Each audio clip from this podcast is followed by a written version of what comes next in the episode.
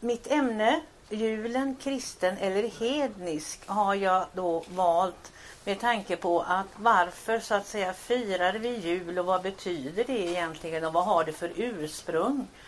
Och ska jag vara riktigt ärlig så får jag säga det att julen egentligen som vi firar den nu är varken kristen eller hednisk. Den är möjligen tysk och lite grann amerikansk. Men det är ju inte detta jag i första hand tänkte tala om utan framför allt vad vet vi om julen som vi firade den i Norden för tusen år sedan och kanske ännu längre tillbaka. Ja, själva ordet jul är nordiskt och betecknar den förkristna högtiden. Och vi firar ju också jul på julafton här i norra Europa. Till skillnad från södra Europa och Eh, delar av USA till exempel där man där just juldagen är den viktigaste som markerar då eh, Jesusbarnets födelse som man tro, tror inträffar då. Eh, varför vi firar på julafton det har att göra med tideräkningen förr i världen. Vi räknade inte i dagar utan vi räknade i kvällar. Vi räknade i aftnar. Vi har alltså midsommarafton, vi har påskafton och trettondagsafton och följaktligen också julafton. Och det har att göra med nytändningen av månen. Här i Norden så har vi så lite sol så vi räknar inte efter soldagar utan vi måste räkna efter månen. Och månen betecknade tideräkningen och dagen började så att säga på aftonen med nytändningen. Och den nytändning som kommer nu eh, i december den, den var då väldigt viktigt för det var så att säga själva skiftet av året. Den kallas på ett ställe för haknatten och vad det betyder det vet vi inte riktigt. Men det är just då som så att säga julens höjdpunkt inträffar och det själva julfirandet ägde rum. Sedan var julmånaden, den inföll före denna nytändning och månaden efter. Så den var alltså en månad som var två månader lång med vårt sätt att se. Den hette Ylir i, i eh, eh, de gamla källorna. Och av detta har vi fått ordet jul som ju också finns i engelskans jul. Men övriga språk har ju Christmas, Eh, eller eh, engelskan har ju Christmas och andra språk har ju också annat som anknyter till kristendomen. Men på något sätt så har det här hedniska förkristna jul dröjt sig kvar i vårt medvetande. Och det var alltså två månader lång så att vi är nästan inne i julmånaden här, här och nu. Eh, och när man säger att julen börjar för tidigt så kom ihåg att den var två månader lång förr i världen. Så det, det, var alltså en tid som man gjorde ett juluppehåll och när man då också firade att året började på nytt. Och det är möjligt att ordet jul kommer ut av samma stam som ordet för jul som snurrar. Eh, säger en del forskare. Men ingen vet egentligen vad det här betyder. Hur firar man det då? Ja, man hade, framförallt så var det då en tid att umgås och ta det lite lugnt eftersom man inte kunde göra så mycket. Det var mörkt och det var kallt och man drog sig inomhus. Slakten var gjord så man kunde äta gott och dricka gott. Och man firade inte utan det heter faktiskt i de äldsta källorna att man drack jul. Man bryggde öl och så drack man tills ölet var slut och sen var själva julfirandet slut. Och det där var väldigt trevligt för ju mer man drack desto närmare kom man gudarna och kände sig gemensamma med dem. Och sen var det så att säga hela över. Jag beklagar för nykterhetsvänner men det, det, det är alltså vårt allra äldsta julfirandet som, som vi då eh, gjorde. Sedan så undrar man ju då med, med, med julskinka och julgris och så vidare om det här har att göra med något gammalt gudaoffer till gudar som Frej och Freja som ju hade med svinet att göra. Men det hade det nog inte. Utan all det här överflödet i fläsk och sylter och annat det hör samman med julslakten. Sen har vi en förfärlig massa annan mat som vi äter på jul som lutfisk och andra saker och sill och så vidare. Men det hör ihop med den katolska fastan som var före jul. Och vad vi har gjort idag är att vi har slagit samman både den gamla hedniska eh, ätandet utav färskkött och eh, eller färsk eller nysaltat kött ska vi säga och det, den hedniska fastemåltiden. Så vi har så att säga sugit ut det bästa av två världar. Eh, så, så att det fanns ju ingenting direkt som, de här, som i just ätande som anknyter till något offer direkt. Även om det sägs ibland att eh, den här lilla julgrisen som man förut serverade till måltider vid jul, på julafton, att det hade då hedniskt ursprung. Åtminstone ville Esaias Tegnér ha det i Fritjofs saga. Då tändes alla ljusen och inkom Frejers galt och serverades på ett silverfat där. Men där var nog Tegnér mera hemma i, sin, eh, i salongerna i 1800-talet än vad han var i vikingatiden. Men man åt och drack gott, det gjorde man. Men det var inte till Frej och Freja man ägnade sin hyllning i första hand utan det var till familjen och det var till den del av familjen som inte levde längre, nämligen de döda. Julen var framför allt en stund för åminnelse utav hela släkten och man berättade historier om de gamla, man försökte få dem att få minnas tillbaka och man försökte så att säga komma ihåg och ära och akta de döda. För annars så kunde det gå lite illa. Alltså de skulle vara nöjda med vad man hade åstadkommit under året. Det var alltså en sån här årsslut, en redogörelse vad den levande familjen hade åstadkommit. Och den gud som man åkallade var nog Oden i första hand under namnet Jolner som ju också har ordet jul i sig. Och, och han leder de döda skara så att de hittar tillbaka in i hemmen. Och troligen så går den här gamla traditionen som fanns förr i bondesamhället att duka upp till de, till de döda under julnatten tillbaka ända till den här tiden. I varje fall var man väldigt noga med det här att de döda skulle hyllas. Och sedan fick man inte gå ut under julnatten. Det var en farlig natt för att då var Oden ute med de osaliga döda, de som inte hade blivit begravda och som inte kunde hitta hem någonstans. Och gick man ut då kunde man råka illa ut. Och Oden han var ju en sån här tvetydig gud. Han kunde ju hitta på både det ena och det andra. Det hände att han kunde gå in och äta upp julmaten och det var ju naturligtvis någonting alldeles förfärligt. Nå men julgrisen då, skulle jag, ska jag nu ta bort julgrisen ifrån så att säga medvetande? Jo men det fanns en gris i alla fall.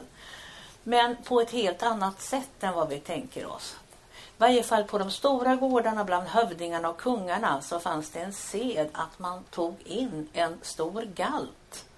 Och helst skulle den ha långa borst och då var det, hade, var det för sed att kämparna och de mäktigaste männen och de största krigarna, de gick fram och svor en ed på galtens borst att detta och detta och detta ska jag ha gjort innan nästa jul. Det är vårt nyårslöfte det. Men det var inga dåliga saker de sa. Till exempel de sa nästa år ska jag vara gift med Uppsala kungens dotter eller någonting sådant. Och hade de inte uppfyllt det så blev det hån och spe i hallen för någon som inte hade gjort det här.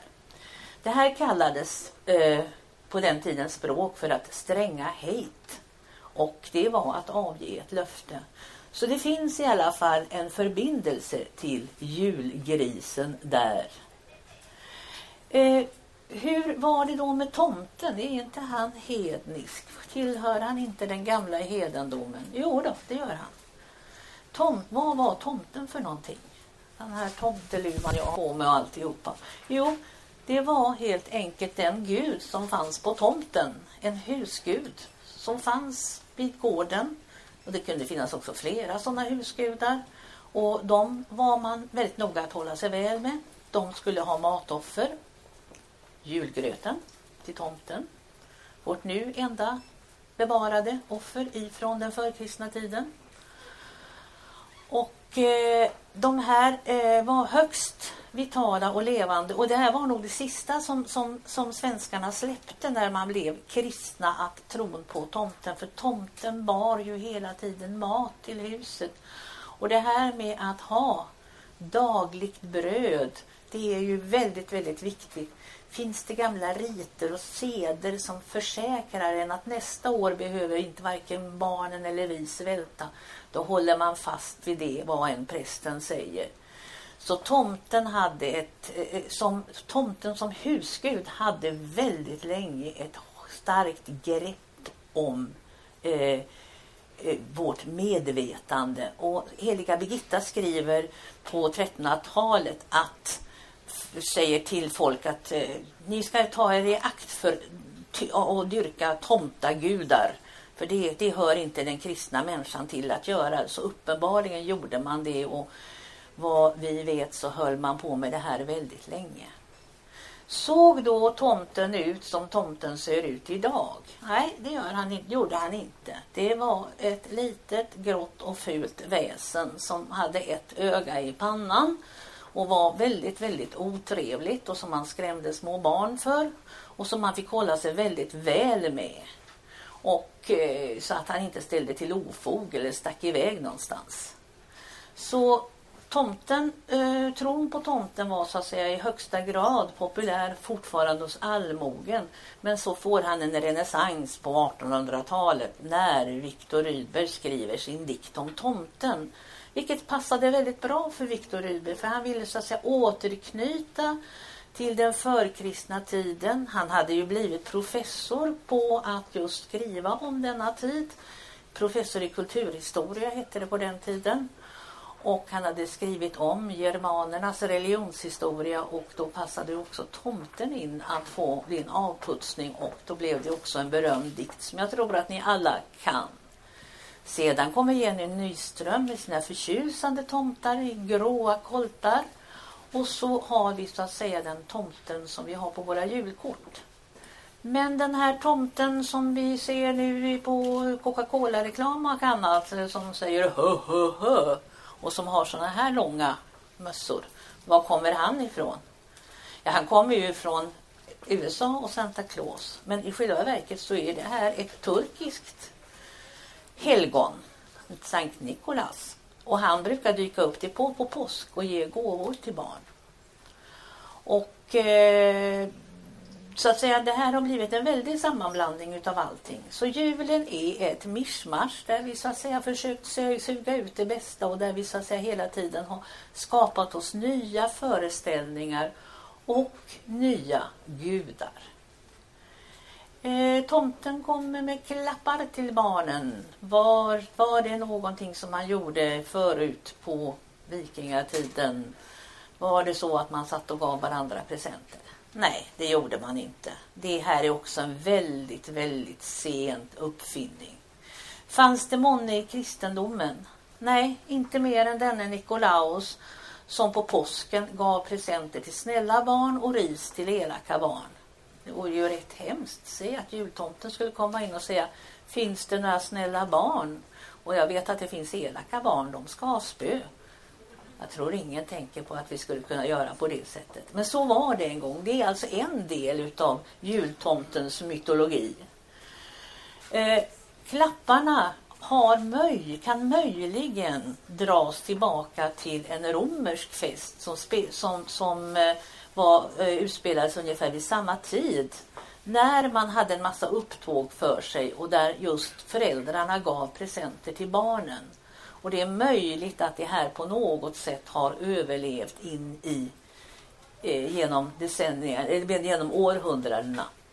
Men julklapparna det är någonting som kom väldigt, väldigt sent. Och det kom alltså ifrån Tyskland, det kom via borgerligheten det kom och framförallt genom kungligheten som då hade stora presentbord i, i, ute på Drottningholm. Och sedan så blev det så att säga eh, spreds det, det till alla. Och idag är det ju en självklarhet. Ingen jul utan julklappar. Men hur var det för hundra år sedan? För 200 år sedan? Det fanns inga klappar. Möjligen som sagt var lite extra god mat och lite trevligheter. Men varför heter det julklapp? Jag vet inte om någon av er har varit med om det, men det vet jag för jag har upplevt det. Och det är mitt roligaste julminne och ett av mina roligaste barndomsminnen. För julafton var definitivt årets roligaste dag genom julklapparna. Och då menar jag inte att man fick present. Utan när så fort skymningen föll, och den föll ju, föll ju klockan två, då började man att göra i ordning något litet, litet, litet paket. Och det kunde vara ett litet paket som det låg ett litet bokmärke i eller någonting annat. Och så tassade man iväg till granngården mycket, mycket försiktigt och så steg och så smög man upp för trappan och in i hallen och så smög man fram till köksdörren och så klappade man på dörren och så kastade man in det här och så sprang man allt vad tygen orkade. Och då blev man jagad. Och kom man innanför hemmets hank och stör då hade man all ära denna julafton. Men gjorde man det inte blev man infångad och så fick man kaffe, fick man kaffe och bullar. Ja, barn på den tiden lärdes att dricka kaffe när man var fyra år så det, det var kaffe och bullar. Men det, det tillhörde roligheterna. Vem kunde fånga vem?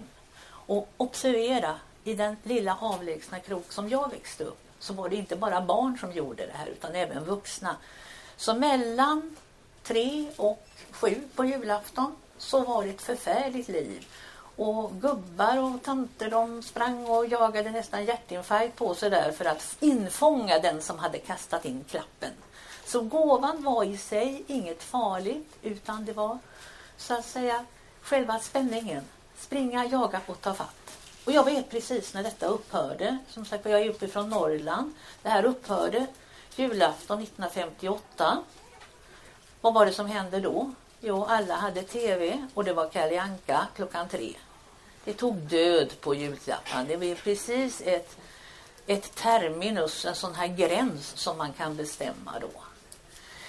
Det här julklappssedeln är ju varken kristen eller hednisk men kopplas ofta ihop med så att säga goda gåvors givare och Jesusbarnet men har egentligen ingenting att göra med detta. Så att det är väldigt mycket som vi har byggt upp kring julens mytologi och ibland kan det ju vara riktigt förfärligt med det här givandet alltså, och jul, julfirandet överhuvudtaget. Folk träffas som egentligen inte vill umgås och så ska de ge varandra gåvor och så vidare. Så att där har vi ju ytterligare en sak som så att säga, varken hör hemma i det ena eller det andra. Men julgranen den måste väl i alla fall höra hemma i vår hedniska mytiska urtid är det inte Yggdrasil själv som vi tar in där på, och, och kläder och pryder? Nej, inte ens den. Går vi 200 år tillbaka ser vi inga julgranar i hemmen. Och, och det här är återigen en sån här sed som har kommit framförallt från Tyskland. Där den uppstod någon gång på 1700-talet och som sedan togs in via kungahuset där man inte, hade inte mindre än, jag tror jag läste någonstans, fyra, fem julgranar i, i, i den här stora salen på Drottningholm. Och till så lugnade man väl ner så skulle bara ha en julgran och så småningom blev det då en sed som alla tog åt sig. Och det här med julgranen är också någonting väldigt speciellt för den är kristen på ett sätt. Den är inte hednisk. Den har ingenting med Yggdrasil att göra. Den är däremot så är den, hör den då samman med eh, protestantismen i Tyskland. För att man där delades, delas man fortfarande upp, tror jag. Men i varje fall under 1800-talet när julgranarna blev populära så var det ju så att säga den som var protestanten hade en julgran och den som var katolik hade en julkrubba.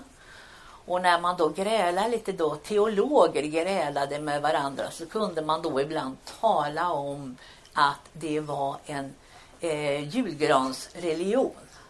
Så vi tillhör en, och i Sverige är vi ju alla goda protestanter, eller var det i alla fall på 1800-talet. Vi var tvungna att vara det, för vi fick inte vara någonting annat. Och det var ju klart att då hade man en julgran. Då var ju julgranen ett tecken på att man var en god kristen.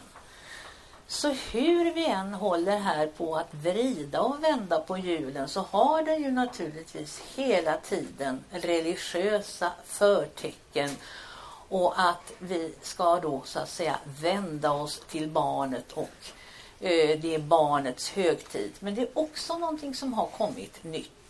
För går man tillbaka till bara 150 år tillbaka, 100 år tillbaka så var ju så att säga den gamla seden att dricka jul det viktigaste. Det var, kunde ju vara både mycket brännvin på gång och mycket festande och så vidare. Så att det var ett helt annat firande än vad vi försöker åtminstone göra idag.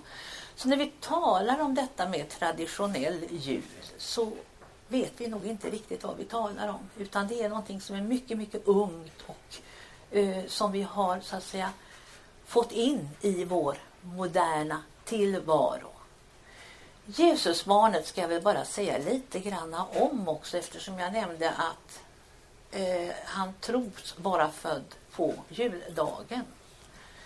Sannerligen så vet ju ingen när Jesus, den historiske Jesus var född. Eh, den som räknade ut och satte vårt år noll räknade fel. Och tittar man på olika saker som Augustus skattskrivning eller den här stora stjärnan, julstjärnan som är ute och vandrar, så hamnar man antingen före Kristus 4-5 år eller efter Kristus 4-5 år beroende på hur man räknar. Vilken tid på året Jesus var född vet vi inte heller. Ingen aning. Varför tog man då juldagen? Ja, man hade egentligen en annan dag. Man hade den 6 januari och det har man fortfarande i den ortodoxa kyrkan. Då firas Jesusbarnets födelse. Men på 300-talet så bestämde man i Rom, i västkyrkan, att man skulle ha det just den 25 december. För då är det vintersolståndet. Nu är vi tillbaka till det här där jag började, det här med tideräkning som är så viktigt. Och det gällde att fira detta, detta vintersolstånd. Eh, för att eh, då hade man en högtid som hette den obesegrade solens födelsedag. Man firade en gud som hette den obesegrade solen. Och det hade att göra med en mysteriekult där man dyrkade en, gud, eller en, en, ett gudomligt väsen som heter Mitras. Och eh, det var väldigt bra att placera in Jesu födelse där så att då fick han så att säga den ta över den här dagen. Den här dagen som de förkristna romarna var vana att fira solen så fick ju så att säga Jesus träda in istället. Så därför firar vi Jesu födelsedag på julen. Och samtidigt på samma dag som den gamla haknatten, nytändningen, när de gamla nordborna firade eh, sin jul, att året skulle börja på nytt igen och man skulle ta i med nya tag och allting skulle bli en förnyelse. Det är alltså en tradition som, som lever kvar, en förnyelse.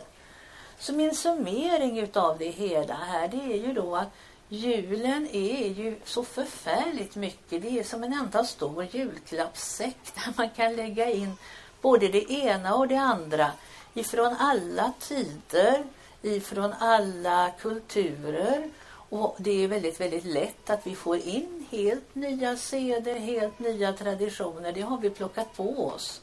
Som till exempel 1958 med Kalle Anka. Och eh, vem vet om hundra år, vad är det för seder som ligger i den här julklappssäcken? Vad är det vi kan reda upp här då och se vad som är, är gammalt och vad som är nytt?